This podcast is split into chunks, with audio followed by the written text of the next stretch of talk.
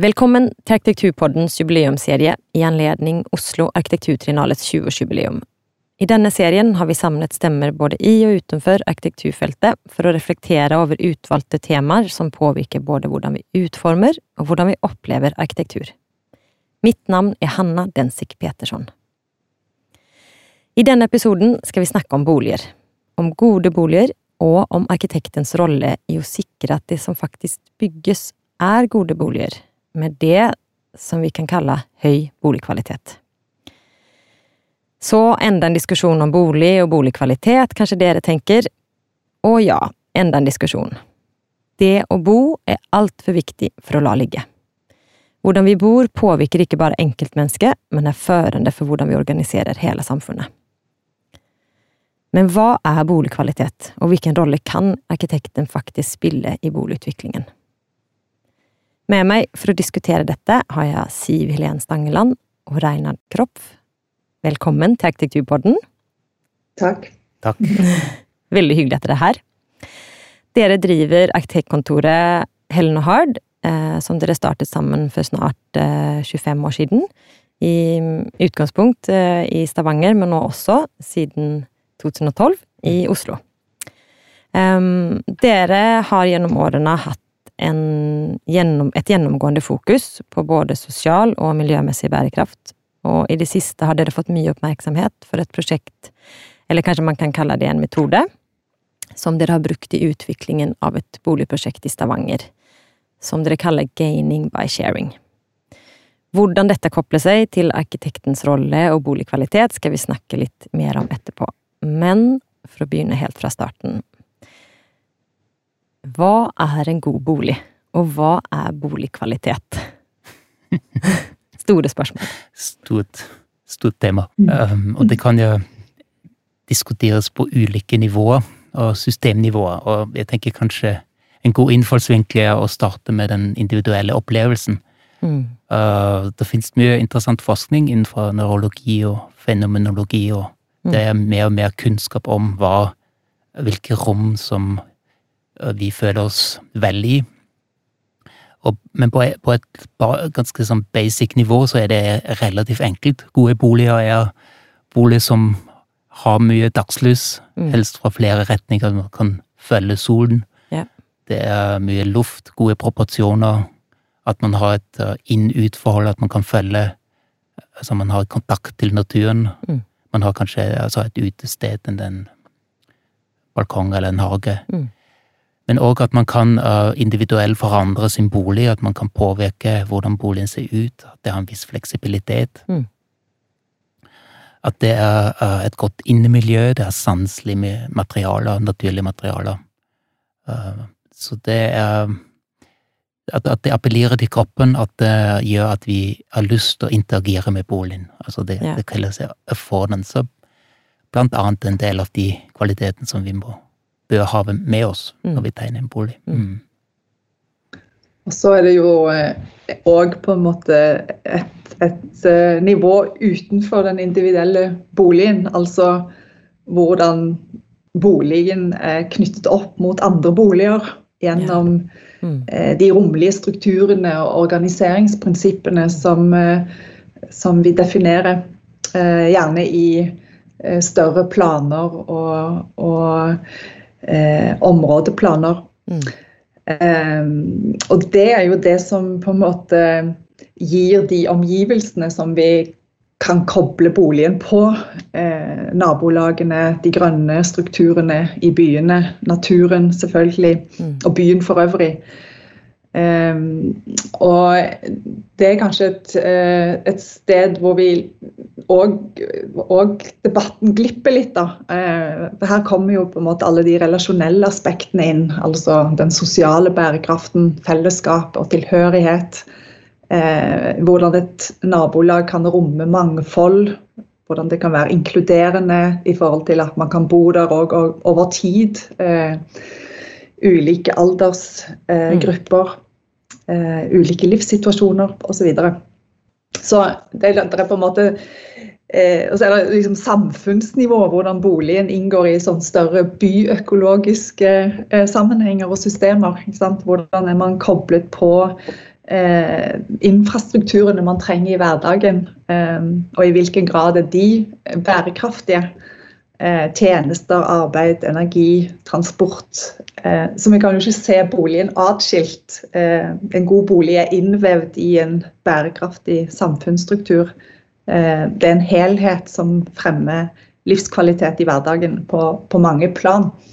Mm. Og, det, og, det, gjør jo at det er komplekst å ja. diskutere en god bolig. Jeg skulle akkurat til å si det. det er sånn, du tegner liksom et bilde av en sånn enorm kompleksitet da, som, mm. ja. som handler om alt fra enkeltindividet til liksom det store virkelig store samfunnsperspektivet, da.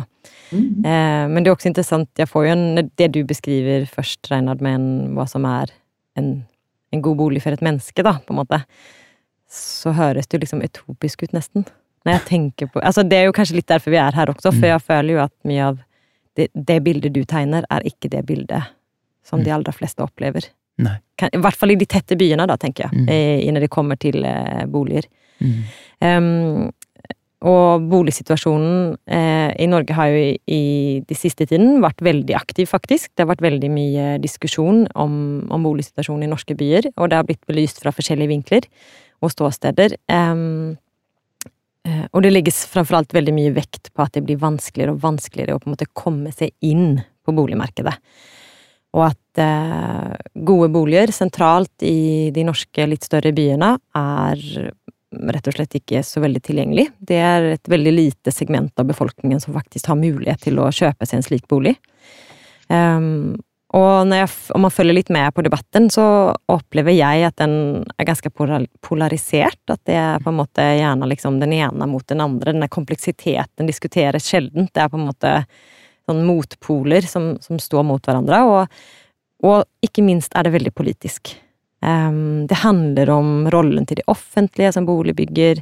Det handler om markedskrefter, om investeringer, om skattepolitikk, om areal- og transportplan, om, om investeringsvilje, om inkludering.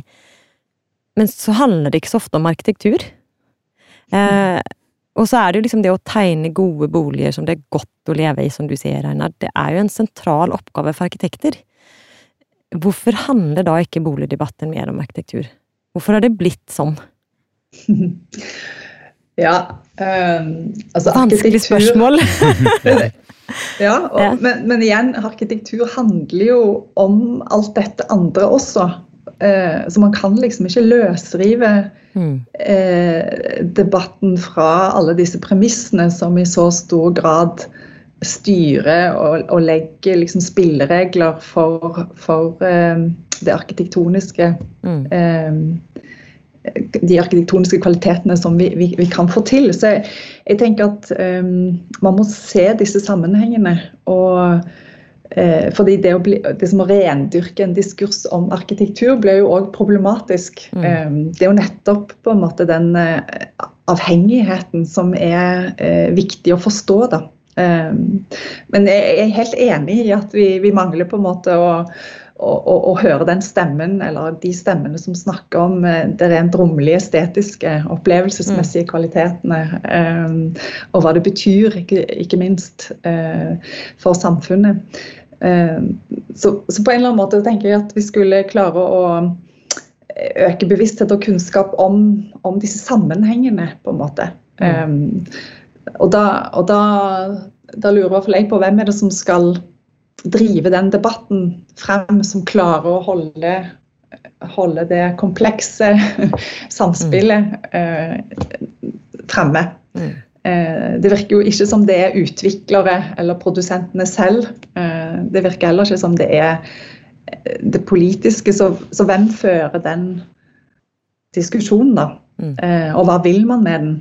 Eh, jeg tror kanskje det handler om På en side så er det noe med at arkitektoniske kvaliteter må fremmes og snakkes om og formidles.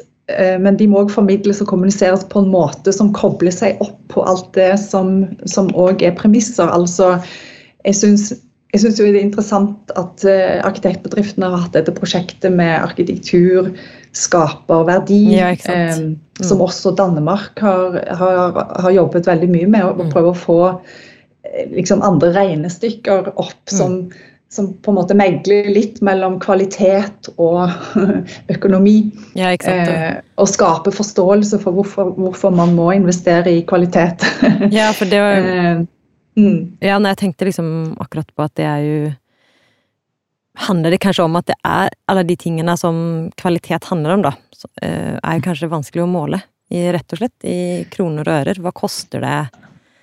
Eh, og hva, hva, er, ja, hva, er, kvalitet når man skal på en måte regne på det i en samfunnsøkonomisk situasjon, da, som mm. politikere må når de skal Altså, allting handler jo om å måle ting opp mot hverandre, på en måte. Ja. Og Samtidig så, så, mm. vet vi i dag at det kan regnes om, enten det er på et sånn samfunnsnivå eh, hvor, hvor, det handler om helse og ensomhet. altså Det finnes på en måte sammenhenger som vi ser, og som som man kan koble til trivsel og eh, sosial bærekraft, f.eks. Men eh, jeg, tror, jeg, tror, kanskje at det er et sånn spennende grensesnitt der mellom mm. yeah. det, må, det, målbare og ikke målbare, hvor vi skulle utforske mer eh, muligheten for å snakke om arkitektur. Mm. Jeg tenker det er utrolig viktig det du sier, at eh, hvorfor finnes det ikke flere kvalitetsfulle boliger. Og jeg tror mm. grunnen blant annet er også at debatten er for lite rettet mot de som egentlig kjøper bolig. Fordi jeg mm. tror vi opplever at de fleste som, uh, som kjøper en bolig, er veldig opptatt av kvalitet, og vi bor i 87 er vi inn er vi i arkitektur, altså mm. oppholder vi oss i, i et bygg, og det påvirker vår helse. Det er egentlig et helse spørsmålet, og spørsmål om velvære. Mm. Og det er de fleste veldig opptatt av. Så den debatten om kvalitet, om arkitektur, bør henvende seg til uh, kjøperne og brukerne, mm. og at det økes et etterspørsel, og at det, det, det danner seg et marked for, for de kvalitetene som egentlig bør kreves inn i et ja. marked. Ja, ikke sant. Og jeg tror her, her er en vei å gå. Det du Siv sier og med hvem leder en debatt, fordi det er ikke sikkert at uh, de som er i bransjen, altså utbygger, megler eller også arkitekter, er habile nok, eller objektivt nok, mm. til å formidle den kunnskapen. Og kanskje det trengs noen andre. Samtidig er det viktig å ha en innsikt i kompleksiteten. Mm. Så jeg ja, tror hvem er den andre? Ja, det, det, er personer som deg, for eksempel. Ja, og en sånn podkast som dette er jo selvfølgelig en, mm. fantastisk mulighet å, å øke bevisstheten. Mm. Og, ja, skape arenaer ja. der man kan åpne den samtalen. Mm. Um, om vi skal tilbake til litt det med arkitektens rolle. Uh, det kan virke som at det er helt andre drivkrefter enn det arkitektoniske, og ikke minst det etiske og funksjonelle, som, som blir lagt til grunn når beslutninger og investeringer knyttet til bolig blir diskutert. Eh, og så er det det at arkitekter nevnes så sjeldent. Det er på en måte mm, det er utbyggeren som blir omtalt, og det blir på en måte politikeren som fatter beslutninger, men arkitekten som en som faktisk har en rolle i denne utviklingen, er, er sjelden på blokka. Hvordan havnet vi her, på en måte? Eh, det at vi på mange måter er den som At arkitekten kanskje oppfattes i større grad som den som skal skal liksom løse problemene, premissene allerede ligger, på en måte, ligger til grunn. Finnes det et handlingsrom for arkitekter i, som, er, som, er, noe annet enn å bare svare på, på, en problemstilling som allerede er gitt, på en måte? Jeg tror absolutt, um, men litt på hvor, hvordan havnet vi her? Jeg, tenker at det som er interessant, er at boligpolitikken i Norge er, har blitt for ganske lenge siden privatisert. Mm. Og, eh, og, gjennom den utviklingen der, og utvikling i marked, så, så, så, blir boligbygging satt veldig i system, og vår leveranse som arkitekt blir på en måte fragmentert og stykket opp. Um, jeg observerer òg at ofte veldig flinke arkitekter uh, skyer derfor kommersiell boligbygging. Det, det, er vanskelig å stå i det. Mm. og uh, i, vi i Helen Carter har tegnet bolig nå i 20 år, og ja, som omtrent uh, Vi har omtrent tegnet 30 realiserte boligprosjekter og har mm. på en måte, det Spørsmålet hva er vårt handlingsrom, syns vi er veldig interessant. da. Altså, mm. hva kan vi gjøre? Mm. Og, um, og, det er i hvert fall en erfaring vi har gjort, at en stadig utvikling og forskning i kompetanse innenfor bolig gir oss et handlingsrom Ja. Altså i gode planløsninger, i uh, f.eks. reguleringsplaner, som uh, ofte setter premisser for et boligprosjekt. Uh, I beboerprosesser, i salgsprosesser, uh, kunnskap om, om produksjon, om prefabrikasjon. Så vi har vært engasjert i tre produksjoner i 15 år, mm. og, og, og prøver å lære om, om det, og da er vi har vært flinkere enn entreprenørene, egentlig har mer kunnskap enn entreprenørene, og det gir oss et handlingsrom. Og så tenker jeg at det vi, vi arkitekter kan sikkert gjøre, er å være, uh, være mer proaktiv. Altså ikke bare vente til en bestilling kommer, men også komme med sjøl med, med, forslag, med, uh, med, med strategiske eller forslag til, med forretningsideer til utbygging. Men vi har også prøvd en del mer ukonvensjonelle modeller, hvor vi sjøl tar, tar inntar oss en rolle som utbygger. At vi har for eksempel kjøpt moduler fra oljeindustrien og transformert dem til, bolig, til et boligprosjekt, mm. eller transformert gamle bygg, og, øh, og lært sjøl å sitte i den rollen som utbygger, og, og, det var egentlig veldig nyttig å forstå litt mer det, det større bildet og økonomi og risiko i å utvikle bolig. Eh, og det siste er gaining by sharing, den mm. modellen og, uh, som um, bygger på fellesskap og deling. Yeah. Så, som er da en, en forsøk å bygge et nytt modell, en, en alternativ til det som finnes i markedet. Ja, mm. for det er jo dette prosjektet som jeg nevnte helt innledningsvis, som er et ferdigstilt eh, boligprosjekt i Stavanger. Som heter Vindmøllebakken. Som har basert seg på denne tankegangen, eller denne metoden om, om gaining by sharing. Um, Fortell litt mer om det. Hva er det som er spesielt med det prosjektet, og, og også måten dere jobbet på da, som arkitekter? Ja, først og fremst er det jo en, det er jo en helt ny modell for bolig som, eh, som svarer på de ulike aspektene med boligproduksjonen på helt nye måter. Altså eh, det er en beboerprosess vi har utviklet som går i hånd i hånd med byggeprosessen. Eh, det er en ny rommelig organisering som tilrettelegger for fellesskap og deling. Eh, vi, vi bygger med et miljøvennlig prefabrisert tresystem som, som, som er synlig i alle rom, eh, privat og felles rom. Og det er òg en, en, ny økonomisk, juridisk modell ja, som er lagt til grunn. Så, og Samtidig så er jo dette basert på at det skal fungere i et kommersielt marked uten offentlig støtte. Mm. Ja, så her har det vært eh, mye innovasjon på veien, og vi har jo holdt på siden 2011. Eh, det var den gangen vi, vi traff en eh, grønn investor, Sissel Leire, som, eh, som, var veldig opptatt av å tenke hva, hva slags boform skal vi, skal vi ha i fremtiden. Eh, og, og, da gikk vi inn i en, i en slags visjonsprosess sammen mm. med henne om, om å tenke ja, hva, hva, skal man basere eh, fremtidige boformer på. Eh, og da kom dette med deling og fellesskap inn veldig tidlig.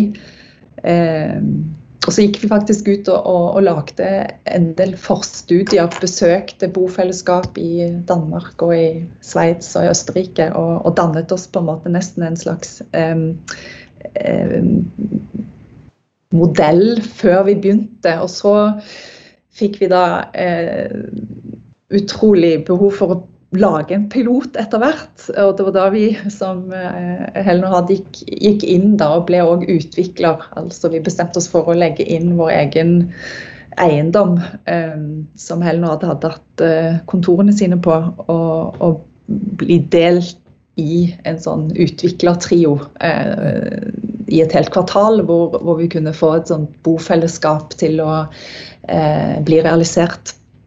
Så da ble vi utvikler, ved siden av å være både initiativtakere og, og arkitekter. Og så ble vi òg senere beboere. Mm. Så da har vi òg hatt eh, veldig mange forskjellige roller. Eh, og lært mye av å sitte i disse forskjellige rollene samtidig.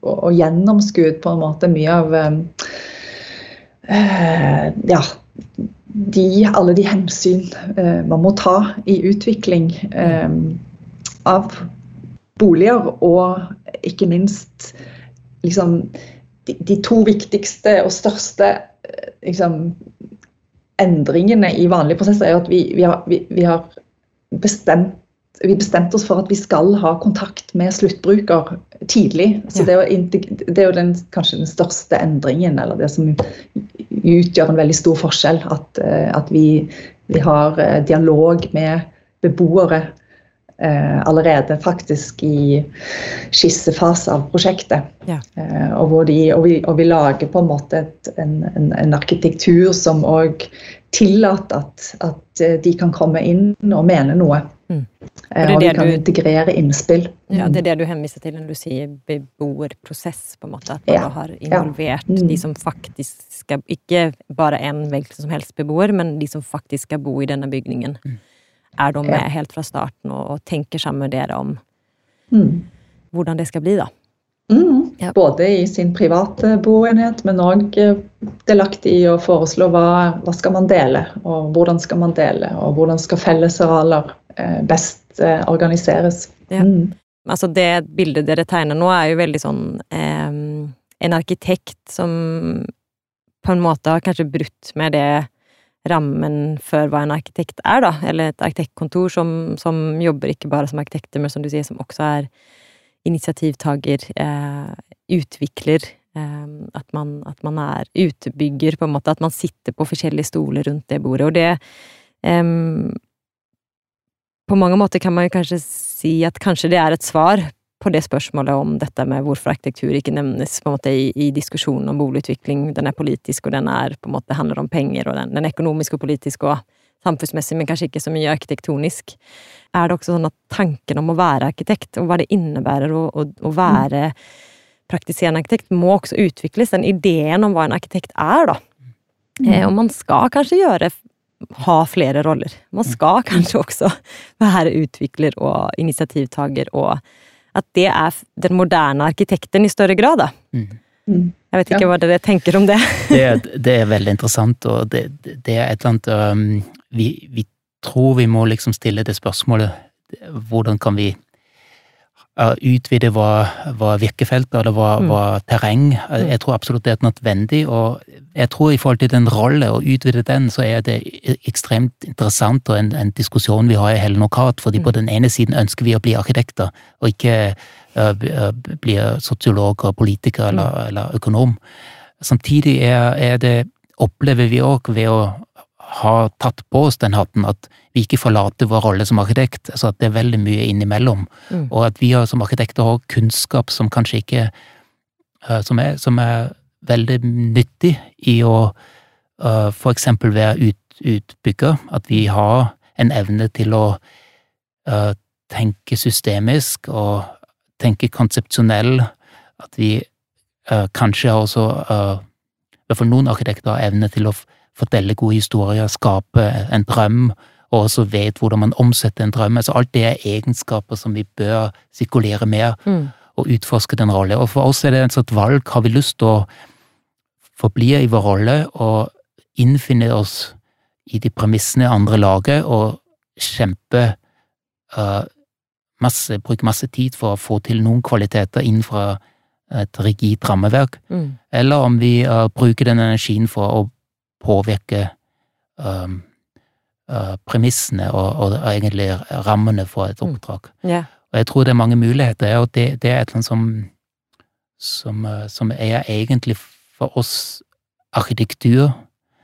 Det er ikke som at man forlater uh, arkitektrollen. Mm. Det er liksom hele den kompleksiteten, på en måte. Mm. Mm. mm. Og man trenger ikke bli utvikler. Eh, altså det handler mer om å forstå eh, spillereglene på den siden av bordet òg. Eh, og det handler kanskje mest om å komme til bords. Altså mm. det, det at vi kan i større grad sitte og ha åpne regnestykker og kunne forstå liksom, den økonomien som et prosjekt er, er tuftet på. Ja. Da, kan, da, kan, vi være kreative innenfor eh, rammer. Det, det, kan vi veldig godt mm. som arkitekter, men vi må komme til bordet. Ja. Vi må kunne òg ha en stemme i, i å, å, å liksom kunne prioriter, prioritere og diskutere hva er viktig å legge penger i mm. eh, når man har det man har. Ja.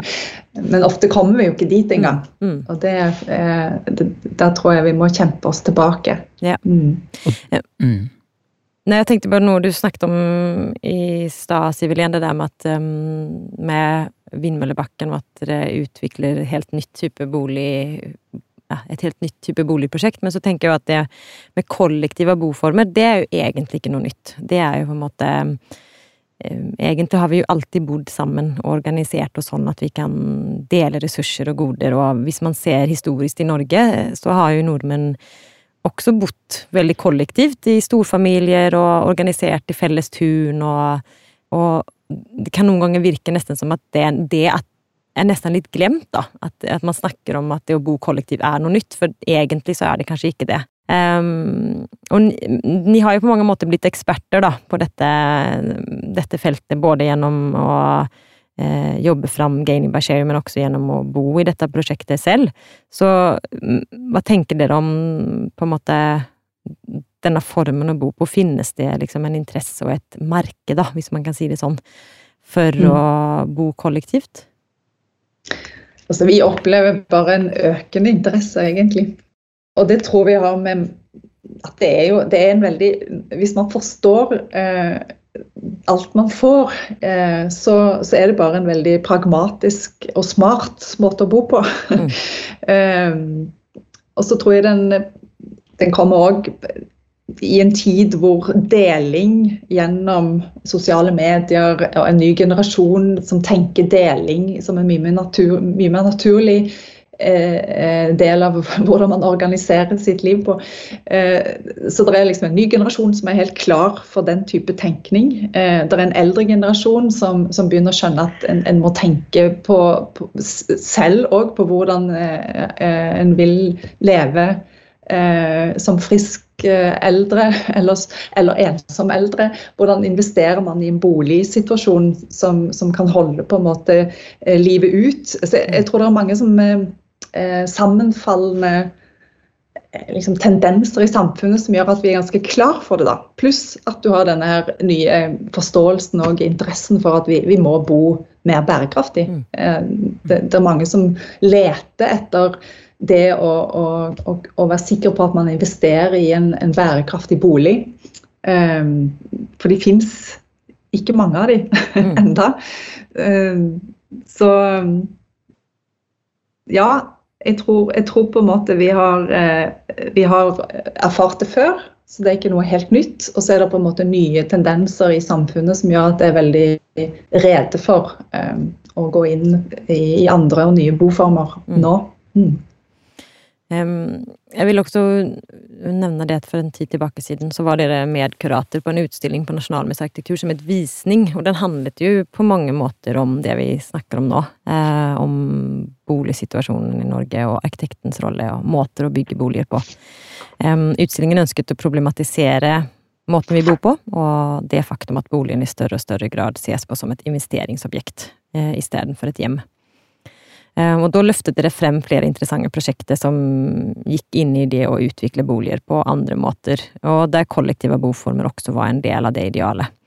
Men eh, hvis man ser på det, så er jo de, de fleste av disse kollektive eh, prosjektene kommer fra 70-80-tallet. Og på den tiden så sto jo liksom Husbanken sterkt, og litt tilbake til det du sa, Reinhardt, om dette med at siden 80-tallet så har boligmarkedet vært markedsstyrt, og det har jo endret premissene for hvordan man, man tenker bolig. Men så er jo dette vindmøllebakken som dere har bygget i Stavanger, har jo på en måte bevist at det går innenfor det markedsstyrte systemet som vi er i i dag, så går det faktisk an å gjøre det på en annen måte. Mm. Eh, men har dere tenkt noe på hvordan det kunne på en måte multipliseres? på En måte? En ting er det ene isolerte prosjektet som dere har jobbet med i ti år nesten for å liksom realisere. Hvordan, skulle det gå an å liksom gjøre dette i stor skala i større grad, da? Ja, det tenker vi mye på og jobber mye med. Og vi er jo i gang med flere eh, gaining by sharing, bofellesskap, eh, for tiden. Men jeg tror svaret ligger på, på, litt, på to plan, kanskje. Nok, vi må knekke koden for eh, risiko. Altså vi må, vi må, klare å ha en forutsigbarhet i økonomi og prosess. Um, Så det handler om å utvikle forretnings, gode forretningsideer for bofellesskap, egentlig. Um, og på den andre siden så handler det òg om å jobbe med politikk og regulering og incitamenter. Fordi eh, vi tror jo det er en boform som til de grader gagner samfunnet. Den sparer det offentlige for utgifter over tid, kan man si. Så den, den samfunnsnytten bør jo òg kunne utløse noe offentlig støtte. eh, hvis vi tenker på at vi har eh, elbiler og alle de fordelene man har liksom gitt eh, gitt for å, for å, etablere et marked for noe nytt og mer miljøvennlig, så, så kunne man kanskje tenke slik innenfor boligutvikling òg. Um, og så er det også kanskje den tredje del som handler om vi har vært litt inne på det, om, om, formidling og opplysning. Altså verdien av det å bo uh, på en, en, en, sånn måte. Altså den sosiale bærekraften og opple, altså opplevelsesaspektet, opplevelsesverdien av sosial bærekraft eh, må vi jo kanskje formidle eh, slik at, at det òg blir en etterspørsel. Mm. At folk vet mm. at man kan be om det. Eller eh, at, man, at, at, det er en, en, eh, en, etterspørsel i markedet, rett og slett. Det, fordi du nevnte visning, så det, det som var den store læring fra den utstillingen, var jo at, at det virkelig er et intrikat kammerspill mellom ulike aktører, at, at uh, boligene ser ut som de gjør, eller at det, vi har det tilbudet i markedet. Mm. Og, og det, det, systemiske blikk, hvis man har den, så, så, er det viktigste med et system en purpose, altså en, en visjon. Mm. Det, det, altså det, offentlige Jeg tror det mangler en form av visjon. Hva ønsker vi egentlig med boligpolitikk? Og mm. det var interessant å snakke med alle politiske partiene, altså representanter fra alle partiene, og det var egentlig bare Miljøpartiet De Grønne som virkelig mener at det hører hjem. Bolig, boligpolitikk er virkeligheten som man må ta tak i. Altså, det, de andre var veldig fornøyd egentlig at boligbygging er overlatt til det private mm. marked. Og det er kanskje også annet som er viktig her. altså Uh, I Gaining by Sharing har vi sett hvor viktig en felles visjon er. Liksom, å samle rundt en idé. Mm. Altså Ikke bare vi arkitekter, men alle som er delaktige i dette team, inklusiv det offentlige.